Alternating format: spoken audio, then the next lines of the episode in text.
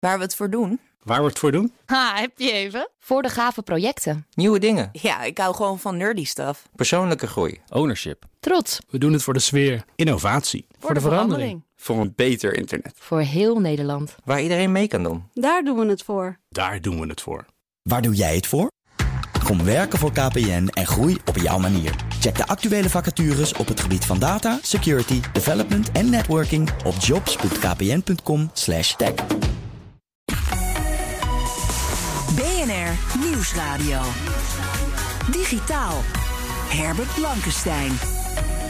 Welkom bij BNR Digitaal. Ook het team van BNR Digitaal wenst iedereen het beste voor het nieuwe jaar. We beginnen met een vooruitblik op 2022 met de technologiebril op. En dat doen we volgens goed gebruik met twee vrienden van dit programma. Hier in de studio is Bert Slachter, analist van de digitale nieuwsbrief Bitcoin Alpha. Um, we gaan het zo hebben over blockchain-zaken. Bert, welkom. Trouwens. Dankjewel, leuk.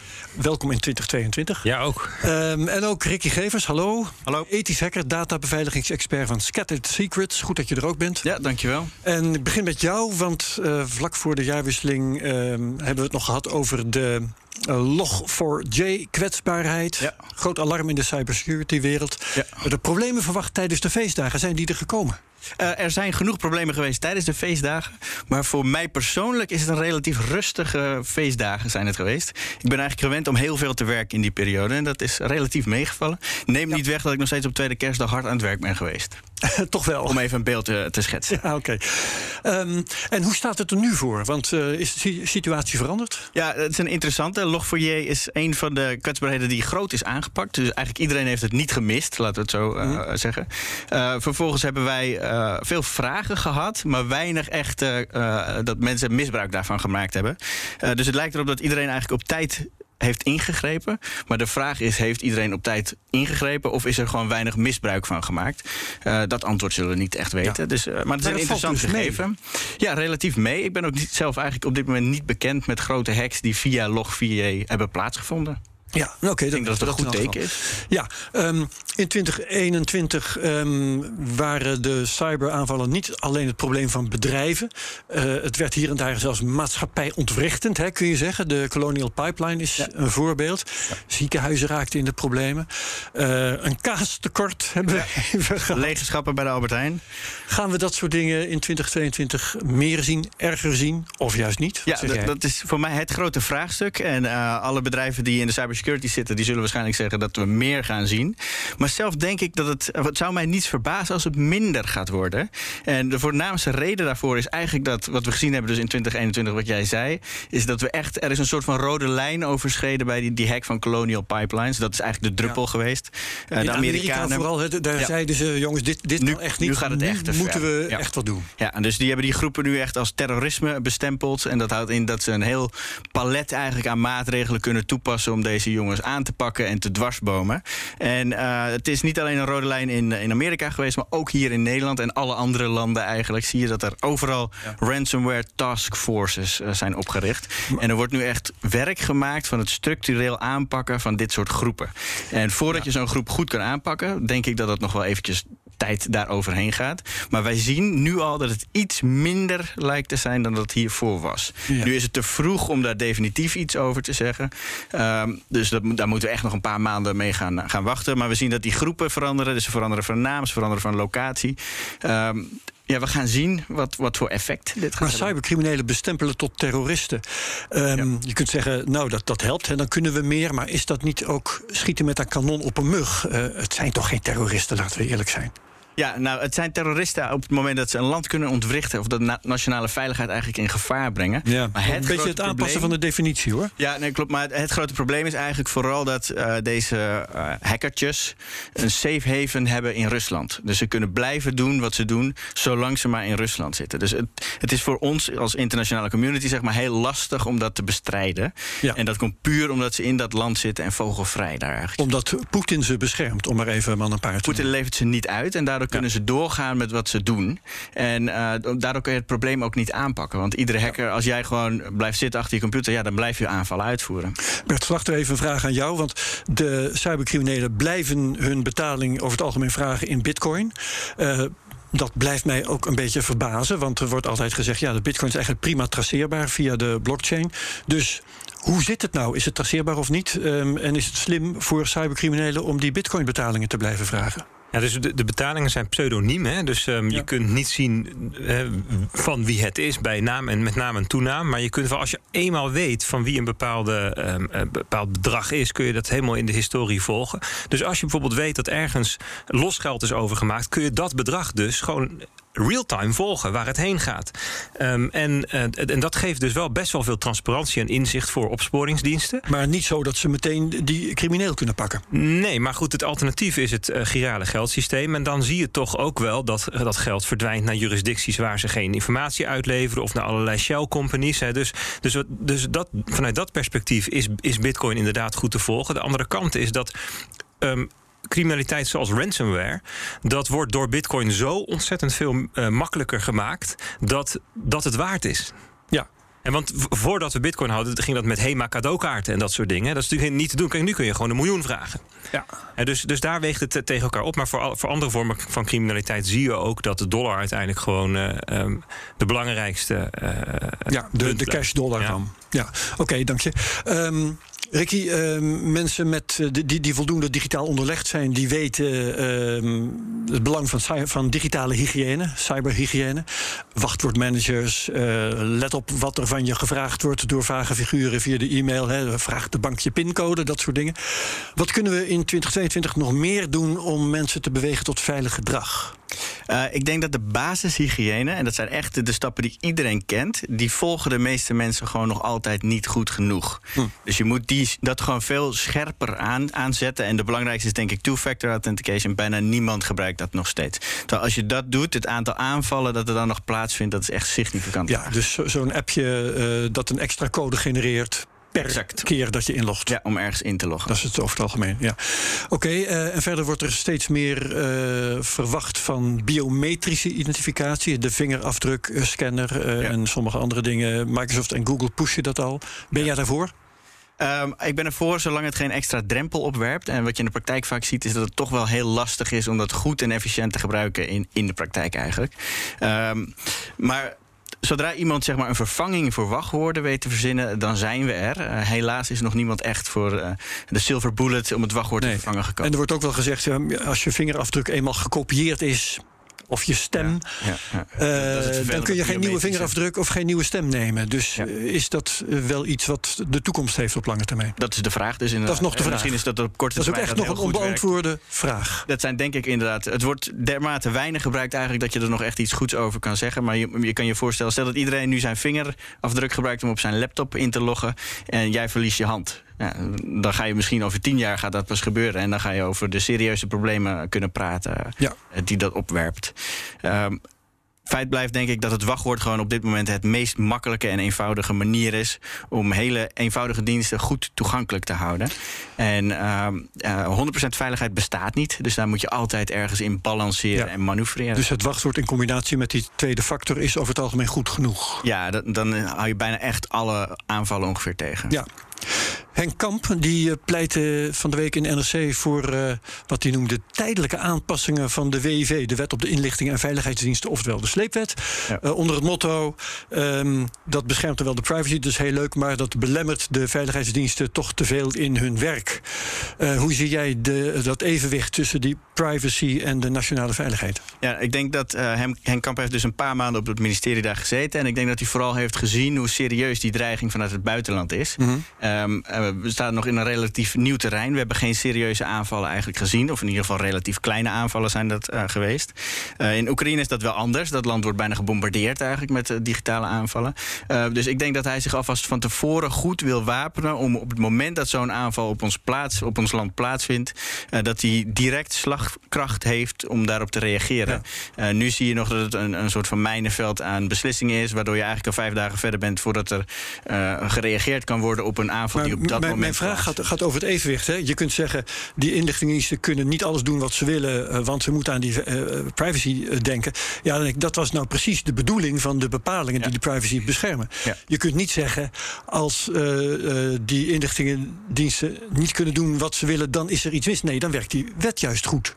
Ja, Nee, beschermt de privacy namelijk. Ja, nou, ook dat is weer een balans. En uh, ik denk dat we op dit moment in een luxe positie staan... in de zin van dat we dus vrij weinig aangevallen zijn. En de landen die ons aanvallen, die hebben vrij weinig ethische standaarden weer. En dat blijft dus een heel lastig speelveld. Dus als we in de positie zouden komen van de Oekraïne... dat uh, er dus dat bombardement plaatsvindt... dan zouden we misschien toch meer privacy moeten opgeven. Is dat wat je zegt? Ik durf te wedden dat we dan heel eenvoudig meer privacy zullen opgeven.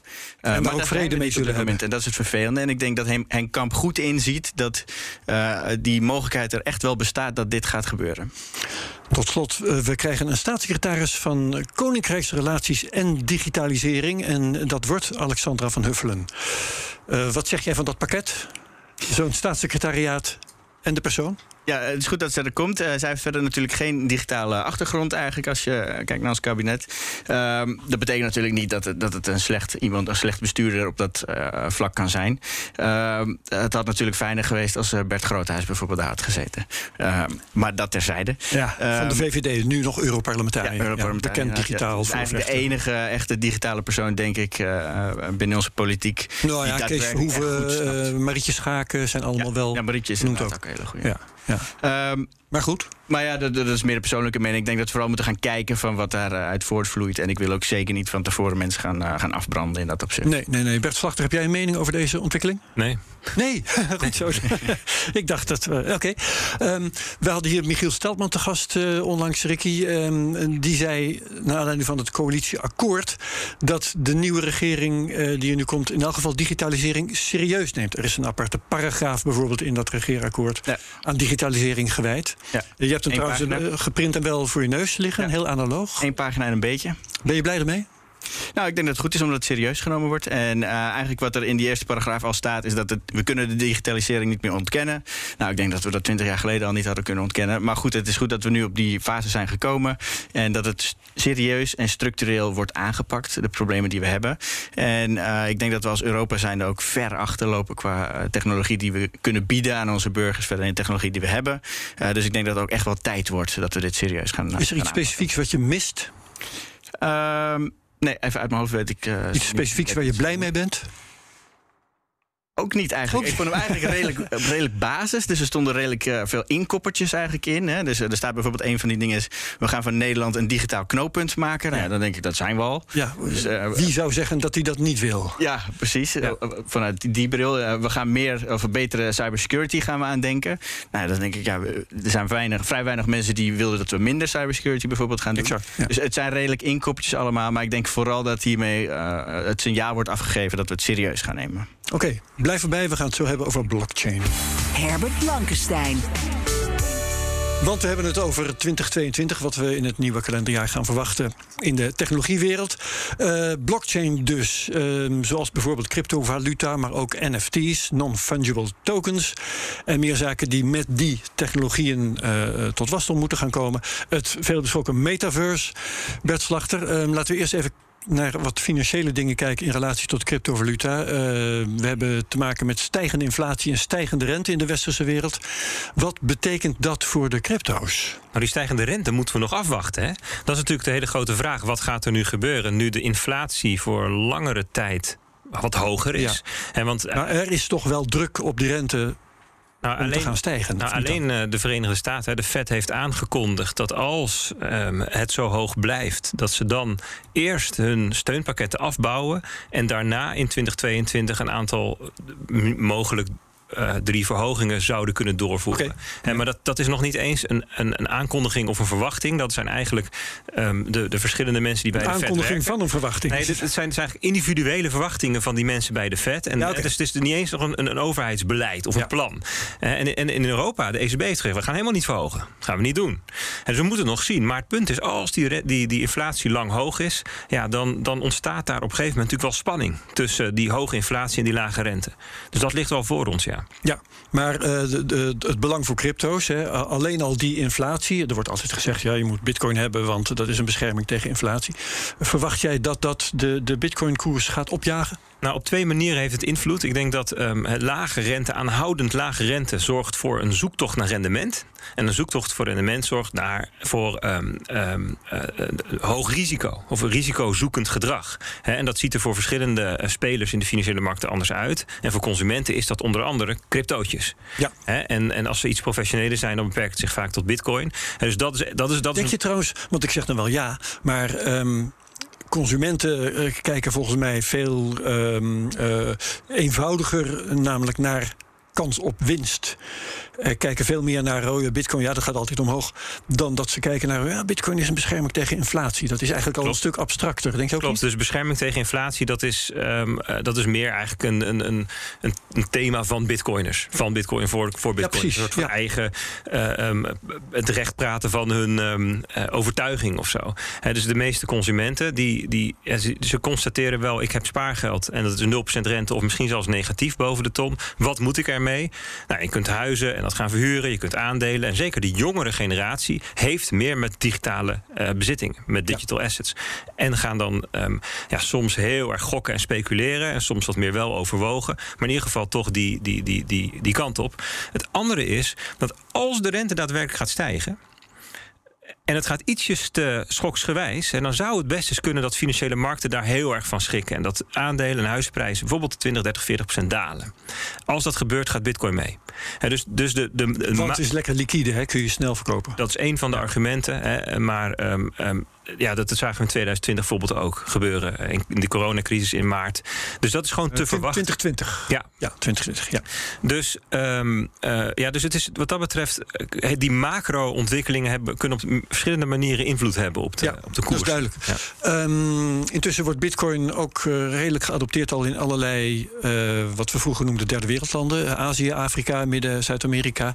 El Salvador bijvoorbeeld, Venezuela, Nigeria, Turkije, Vietnam. Zijn er nou eigenlijk goede cijfers over het feitelijk gebruik van Bitcoin in die landen? Ja, dus wat, wat ehm, ehm, crypto-analyst Chainalysis doet.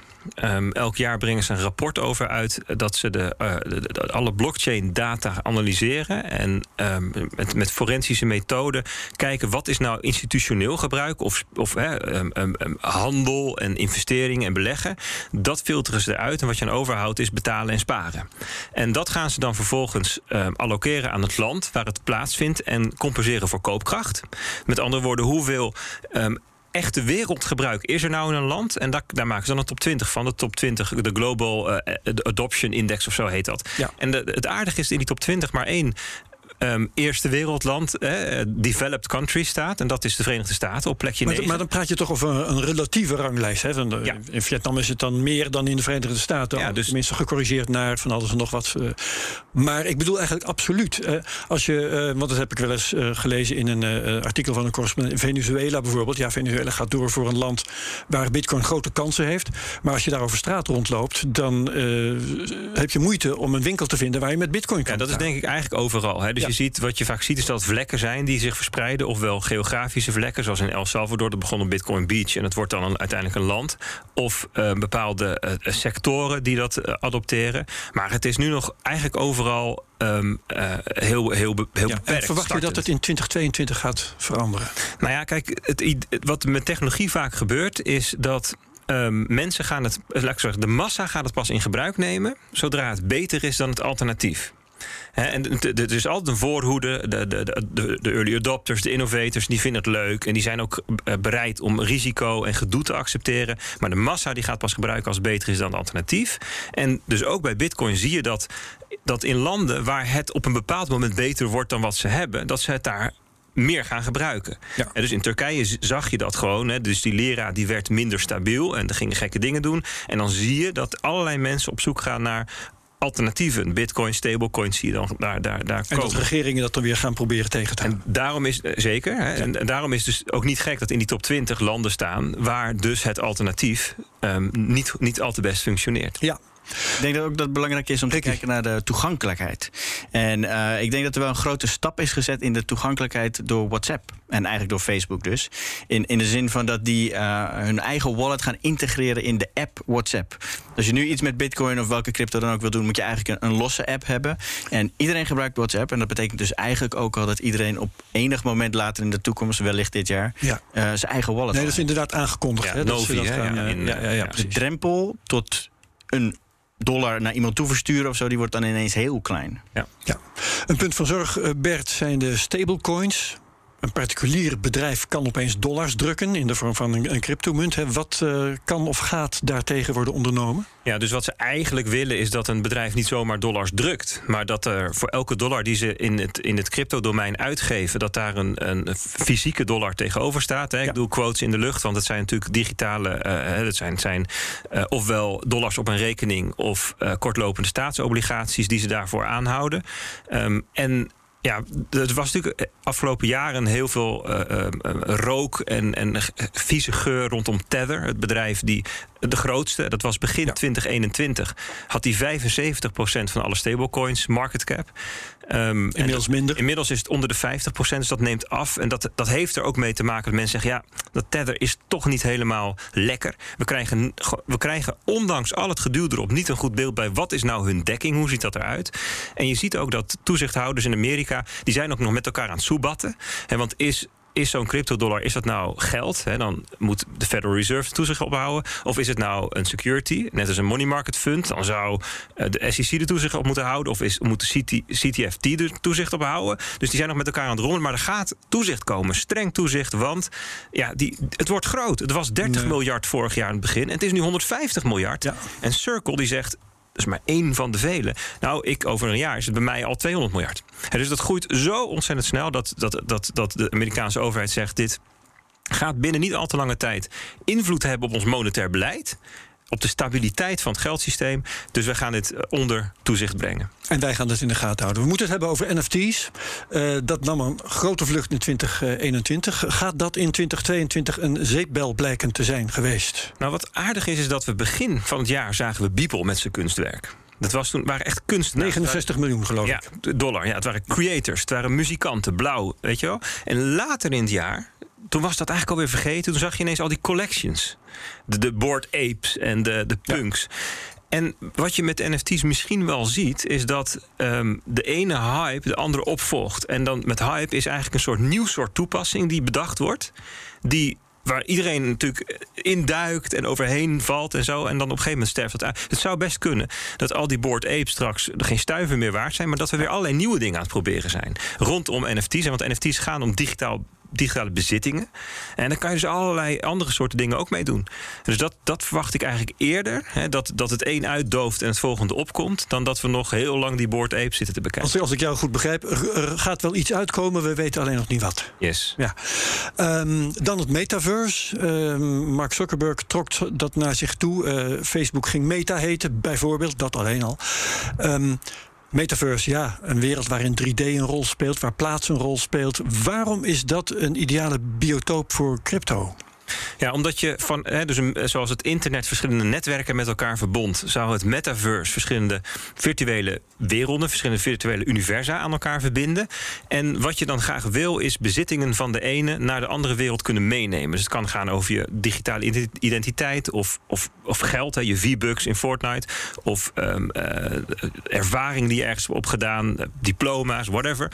En um, om dat mee te kunnen nemen, wil je eigenlijk een onafhankelijk open protocol waar dat allemaal op aangesloten is. En dat is een beetje de gedachte van nou, daar zouden crypto-netwerken, crypto-protocollen, crypto-assets een rol in kunnen spelen. Ja, maar dat zouden dan in 2022 en verder uh, wel open protocollen moeten zijn en niet protocollen van een of, een of ander particulier bedrijf ja, maar zo, rechten op heeft. Zo begint het niet. Hè? Dus, dus um, Epic zegt, wij hebben ons eigen wereldje. Facebook zegt, we hebben ons eigen wereldje. En wat je dan vaak ziet in dit soort gevallen is dat in de loop van een decennium of twee decennia dat dat, dat graviteert naar één open onafhankelijk protocol waar uiteindelijk iedereen zich bij aansluit. Vergelijk met uh, het net en CompuServe en America Online. En uiteindelijk werd het gewoon allemaal het internet. En, maar dat, dat, dat, dat duurt echt nog wel decennia. Dus het Web 3 wordt het ook genoemd, die ontwikkeling. En dat gaat over, Web 1 was lezen, Web 2 was meedoen, dus we lezen en schrijven. En Web 3 is dan lezen, schrijven en bezitten. En dat gaat, ja, komende decennium gaan we het daarover hebben. En ja. kijken hoe dat werkt. We hebben nog één minuutje voor China en mining. Um, China. Wat gaat China doen in 2022? Eh, in 2021 uh, eh, hebben ze steeds maar weer op ingehakt op crypto. Ja, en dat, sommige mensen zeggen dat het te maken had met het 100-jarig bestaan van de Communistische Partij. Hè, dat ze daardoor ook gewoon wilden dat het er allemaal goed uitzag. Dus alles het land uit wat enigszins de harmonie kon verstoren. En dat het misschien nog wel terugkomt. Maar weet je, ja, wie zal het weten? Hè? Maar mijn taxatie is dat China eigenlijk wel gewoon gaat proberen. Net zoals we met het internet dat wilden met de Great Firewall. om het buiten de deur te houden. En wat gaat de wereld doen tegen dat energievretende mining, waar China ook moeite mee had? Ja, dat is een goede vraag. Het gesprek voeren over of Bitcoin het waard is. want het is met, met mining, net met alle energieverbruik, uh, als Bitcoin niks waard is, is elke joule verspild. En als het wel wat waard is, ja, dan moeten we ons afvragen hoe we die energie gaan opwekken. Die uh, discussie die gaat nog uitvoerig gevoerd worden, ook hier bij BNR Digitaal. Ik dank je wel, Bert Slachter, analist bij de digitale nieuwsbrief Bitcoin Alpha. En ook dank aan ethisch hacker en databeveiligingexpert Ricky Gevers. Tot zover BNR Digitaal. Je kunt terugluisteren via bnr.nl, onze app... of waar je ook maar luistert naar je podcast. En dan vind je ook mijn andere podcasts... zoals de Cryptocast, De Technoloog en Space Cowboys. Wat BNR Digitaal betreft heel graag. Tot volgende week. Dag. Ook Liesbeth Staats vind je in de BNR-app. Ja, heel handig. Luister live naar Kees en mij tijdens de Daily Move. Dan blijf je ook gelijk op de hoogte van breaking news en het laatste zakelijke nieuws. En daar vind je ook alle BNR-podcasts, waaronder de Perestrooikast. Download nu de gratis BNR-app en blijf scherp.